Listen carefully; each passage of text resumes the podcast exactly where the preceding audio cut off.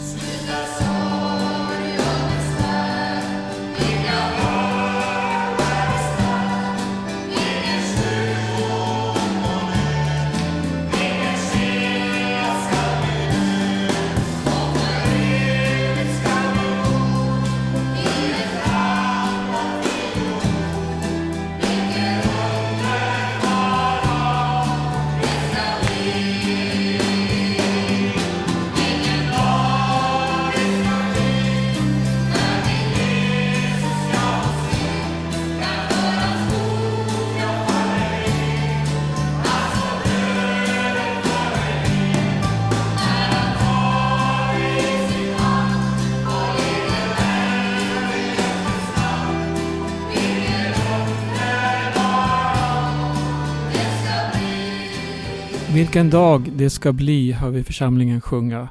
Och det är verkligen något att se fram emot.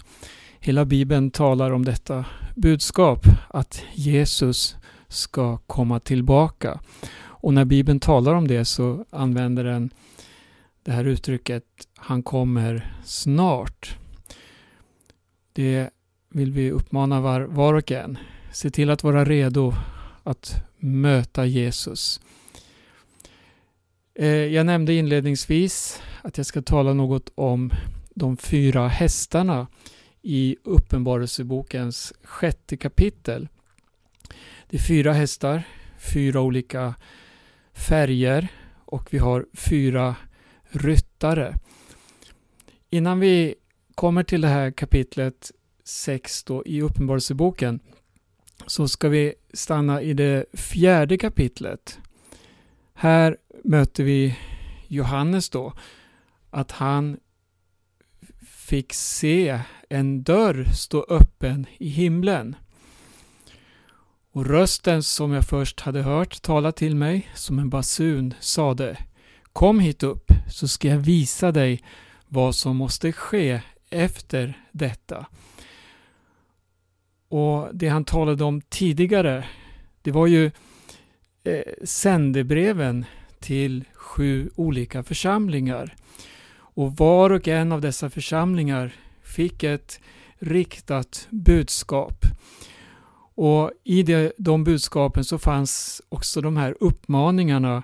Den som vinner seger.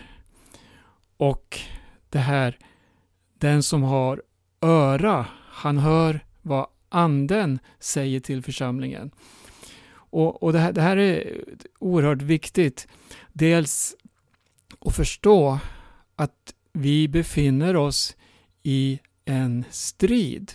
Och det här, nu talar jag inte om en strid av kött och blod med militärer och så vidare och med våld.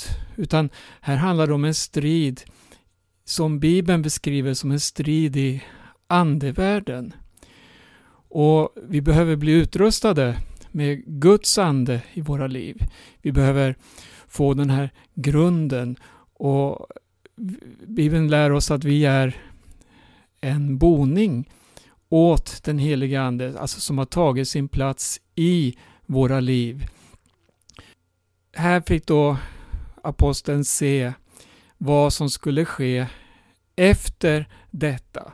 Han hade precis meddelat församlingarna om tillståndet i dessa församlingar och vad de behövde göra. Uppdraget gavs av Jesus vid ett tillfälle. I Matteus 28 kan vi läsa från den 19, 18 versen. Jesus trädde fram och talade då till sina lärjungar och så sa han åt mig har getts all makt i himlen och på jorden. Gå därför ut och gör alla folk till lärjungar.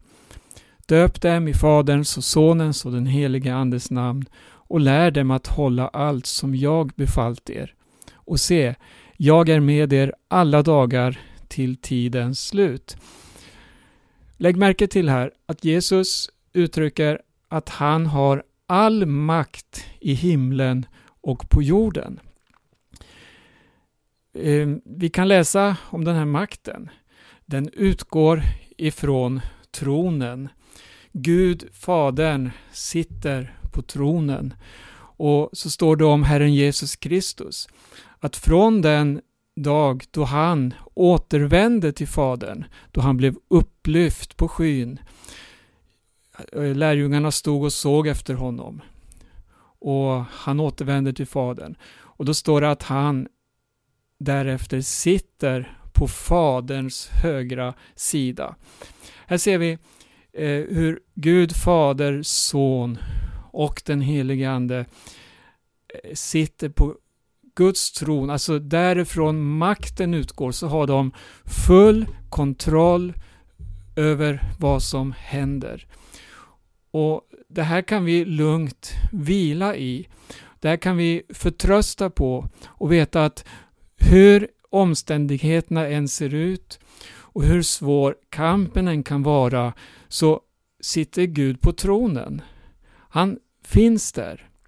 Och han har vunnit seger över synden, över döden, över all ondska, allt elände. Vi, vi ser väldigt mycket elände på jorden och vi ser mycket hat och hur, hur det här tar sig sådana förfärliga uttryck. Men kom ihåg att då vi vänder oss till Gud, då vi vänder oss till Jesus och blir uppfyllda av den heliga Andes kraft, då har vi någon som har vunnit seger. Segern vann Jesus på Golgata då han bar våra synder i sin kropp. Han tog bort all ondska. Han, eh, ja, det, det, det är så stort att var och en som tror på honom blir befriad från sin synd. Han lyfter av syndabördan. Kom ihåg, Jesus har givits all makt i himmel och på jord. När vi sedan fortsätter att läsa ur Nya Testamentet så ser vi hur Jesu vittnen, lärjungarna, apostlarna och församlingarna på olika sätt fick utstå en väldigt ojämn kamp, mycket lidande. Och de räknades att tillhöra ett folk som var väldigt olika alla andra folk. Och de fick utstå förföljelse. Men genom allt så visste de att denne Jesus som hade dött, som hade uppstått från de döda, han hade all makt. makter och myndigheter här på jorden, fiender, pöbelhopar och så vidare kunde ta deras liv. De blev fråntagna ägodelar, de blev jagade på flykt och på olika sätt utstod lidande. Men de var segervissa. För de visste att de åren som vi lever här i tiden, här på jorden, det är en väldigt kort period jämfört med det Gud har i beredskap åt dem som älskar honom. Han har nämligen gett oss ett evigt liv och en trygghet som många människor egentligen längtar efter. Innan vi återvänder till Uppenbarelseboken. Vi ska läsa några rader ur Hesekiels profetia. Hesekiel var en profet under Gamla testamentets tid. Och han fick på liknande sätt som Johannes inblick i himlen. Det står hur himlen öppnades för honom och han fick se syner ifrån Gud. I vers 9 i det första kapitlet det står om att han fick se varelser. Deras vingar slöt sig intill varandra och när de gick behövde de inte vända sig utan de gick alltid rakt fram. Deras ansikten liknade människoansikten och alla fyra hade lejonansikten på högra sidan. På vänstra sidan hade alla fyra tjuransikten och alla fyra hade örnansikten. Sådana var deras ansikten. Och Sen fortsätter den här beskrivningen. Medan han såg på dem så fick han se ett hjul på jorden bredvid varelserna. Och de här hjulen var gjorda av något som liknade krysolit. De var likadana. Och det fanns en oerhörd harmoni i dessa hjul. Ett hjul tycktes vara inuti ett annat hjul och de kunde gå åt alla fyra hållen utan att vända sig om. De gick alltid rakt fram.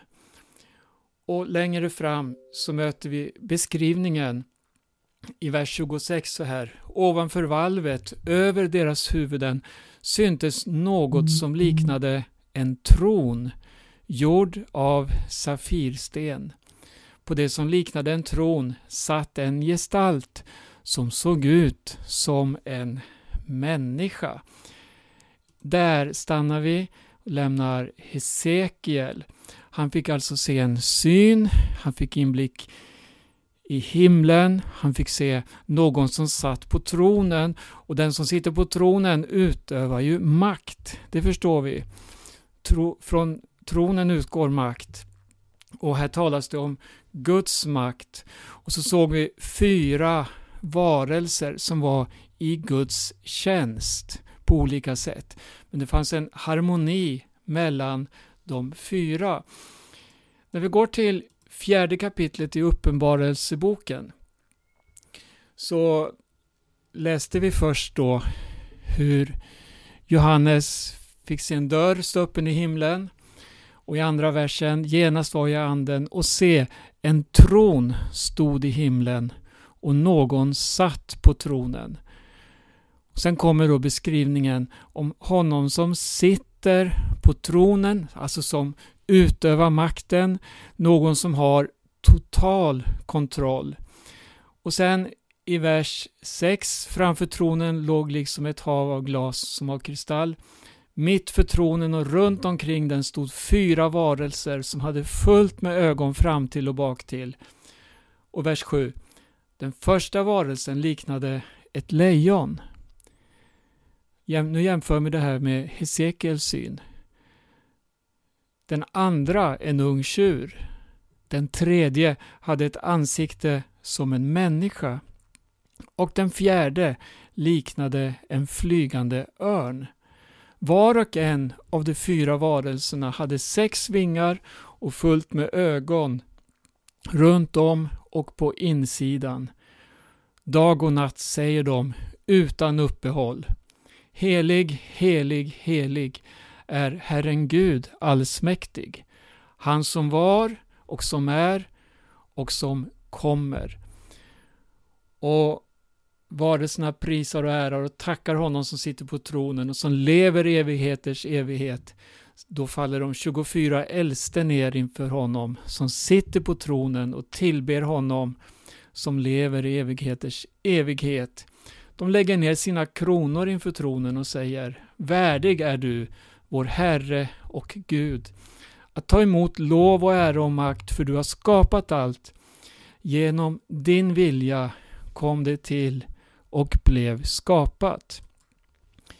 En oerhörd vision som Johannes fick här. Han fick se honom som sitter på tronen, han som har all makt i himmel och på jord. Det här vi läste i missionsbefallningen om Jesus. Mig är given all makt i himlen och på jorden. När vi går in i femte kapitlet så möter vi också en oerhörd beskrivning om det slaktade lammet. Och det utgår också från tronen. Det står i vers 5 så här. Gråt inte, se lejonet av Judas stam, Davids rotskopp förlåt, rotskott, har segrat. Han kan öppna bokrullen och dess sju sigill. Så fick han se då mitten mellan tronen och de fyra varelserna. Där stod ett lamm som såg ut att ha blivit slaktat. Här ser vi verkligen motsatser. Men det här pekar ju på Kristus. Han blev slaktad. Han gav sitt liv för att befria människan från synden. Se Guds lam, utropade Johannes döparen när Jesus kom gående. Se Guds lam som tar bort världens synd. Och Sen följer ytterligare en lovsång, en hyllning till Lammet som är värdig. Ja, det, han är den som är värdig att bryta bokrullen. Och de här inseglen som vi nu ska läsa om. Jag sa att vi skulle tala om Uppenbarelseboken 6 och de fyra hästarna som finns där. Nu har vi en liten bakgrund klar för oss och vi ska gå in i texten. Och Vi befinner oss alltså här i Uppenbarelseboken. Och Det finns två uppmaningar som vi ska ta vara på som hela boken verkligen lyfter fram. Det talar om hur kort tiden är. Och det ska vi tänka på också när vi läser om de här hästarna. Det står så här i första kapitlets eh, tredje vers att tiden är nära.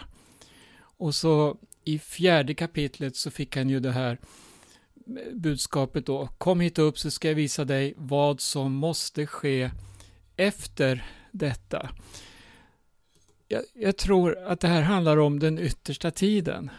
Alltså om de dagar som du och jag lever. Och när vi läser Nya Testamentet så återkommer det här uttrycket eh, kanske främst hos Johannes där han skriver att nu är den yttersta tiden och det finns redan många antikrister. Eh, så, när, så det här budskapet i Uppenbarelseboken 6 om de fyra hästarna, de fyra ryttarna. Vi bör nog koppla det till den tid som vi lever i. Något som har pågått på olika sätt, men som vi ser stegras och intensifieras allt mer ju närmare tidens slut vi kommer. Det är lätt att se att eh, ja, man, man, man kan läsa hur, hur, hur många olika tolkningar har gjorts om de här hästarna, hur det handlar om olika tider som avlöser varandra och så vidare. Men jag, jag tror att vi ska titta på det här nu på ett eh, sätt som visar på paralleller. För att allt det som de här hästarna eh, representerar och de konsekvenser som det för med sig. Det är sådant som vi har mött under evangeliets historia här på jorden. Från den första församlingen fram till våra dagar. Vi har fått ett budskap och vi har fått höra av Jesus att det här budskapet ska förkunnas i fientligt territorium, alltså på fientlig mark. Ni kommer att få utstå förföljelse, lidande. Kom, ni kommer att få se många orättvisor. Ni kommer att möta mycket orättfärdighet, mycket hungerkatastrofer, flyktingar, naturkatastrofer och så vidare. Så vi läser nu här i sjätte kapitlet. Yes, lammet bröt ett av de sju sigillen. Alltså lammet, han har kontrollen. Han bröt sigillet. Då hörde jag en av de fyra varelserna säga med en röst som åskan. Kom! Jag såg och se en vit häst och han som satt på den hade en båge. Han fick en segerkrans och han drog ut som segerherre för att segra. Den här versen, den har jag läst många tolkningar om. Jag har hört om eh, hur mannen på den vita hästen med en båge måste betyda den falske Messias som ska komma och, och tala om en falsk fred, en falsk trygghet. Och Det kan stämma. Vi, vi möter ju dessa fenomen i tiden där, om Antikrist som ska träda fram som allas räddare. Men det står ändå här om den vita hästen att han fick en segerkrans och drog ut som segerherre för att segra. Och när Bibeln talar om segerkrans och segerherre, då tänker jag först och främst på evangeliets spridning. Evangeliet som tränger in och bryter in verkligen i människors liv. Det är det som är seger i Guds ord.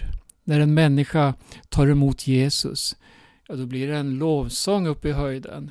Änglarna jublar över att en orättfärdig har räddats. Sen mitt under detta segertåg, ja då kommer förföljelsen. Och vi ser hur ondskan eskalerar på jorden. Och vi läser nästa vers. När lammet bröt det andra sigillet hörde jag den andra varelsen säga Kom. En annan häst kom ut, en eldröd, och han som satt på den fick makt att ta bort freden från jorden så att människor skulle slakta varandra. Och han fick ett stort svärd.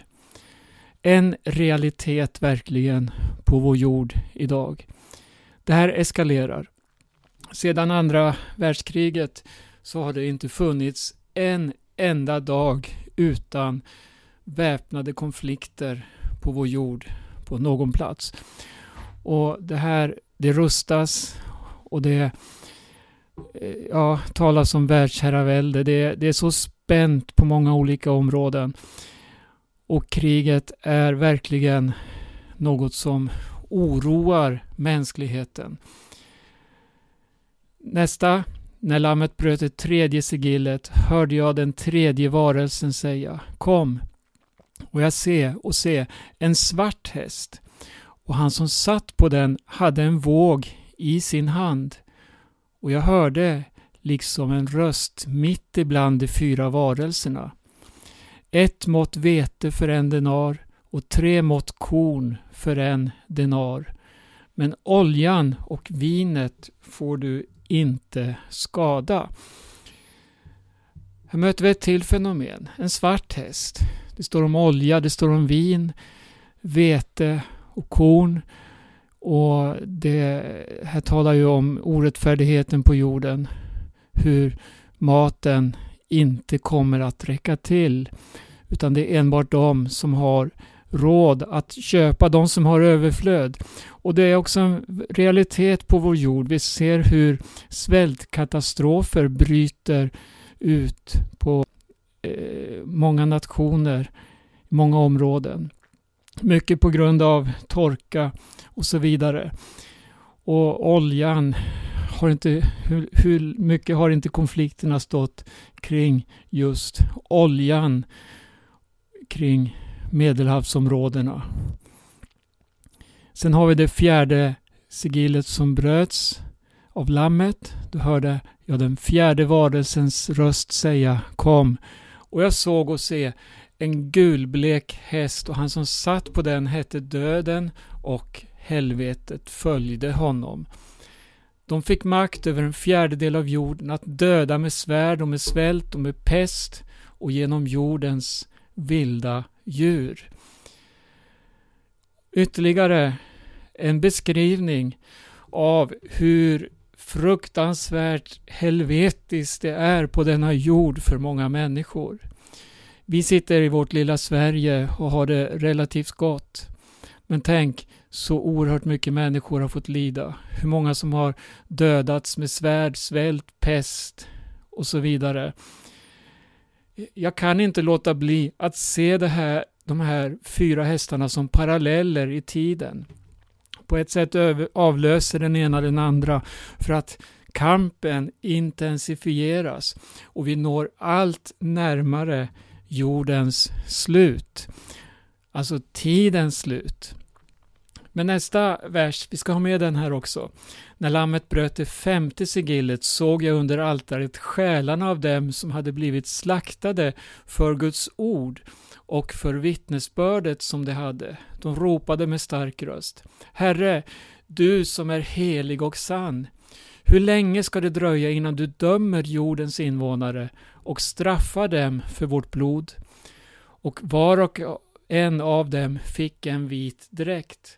Och de blev tillsagda att vila ännu en liten tid tills deras medtjänare och bröder som skulle dödas liksom de hade blivit fulltaliga.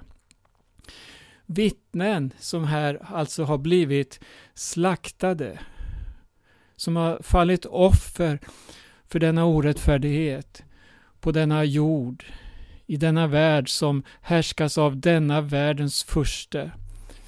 Men du, de fick höra, vila, håll ut en liten tid.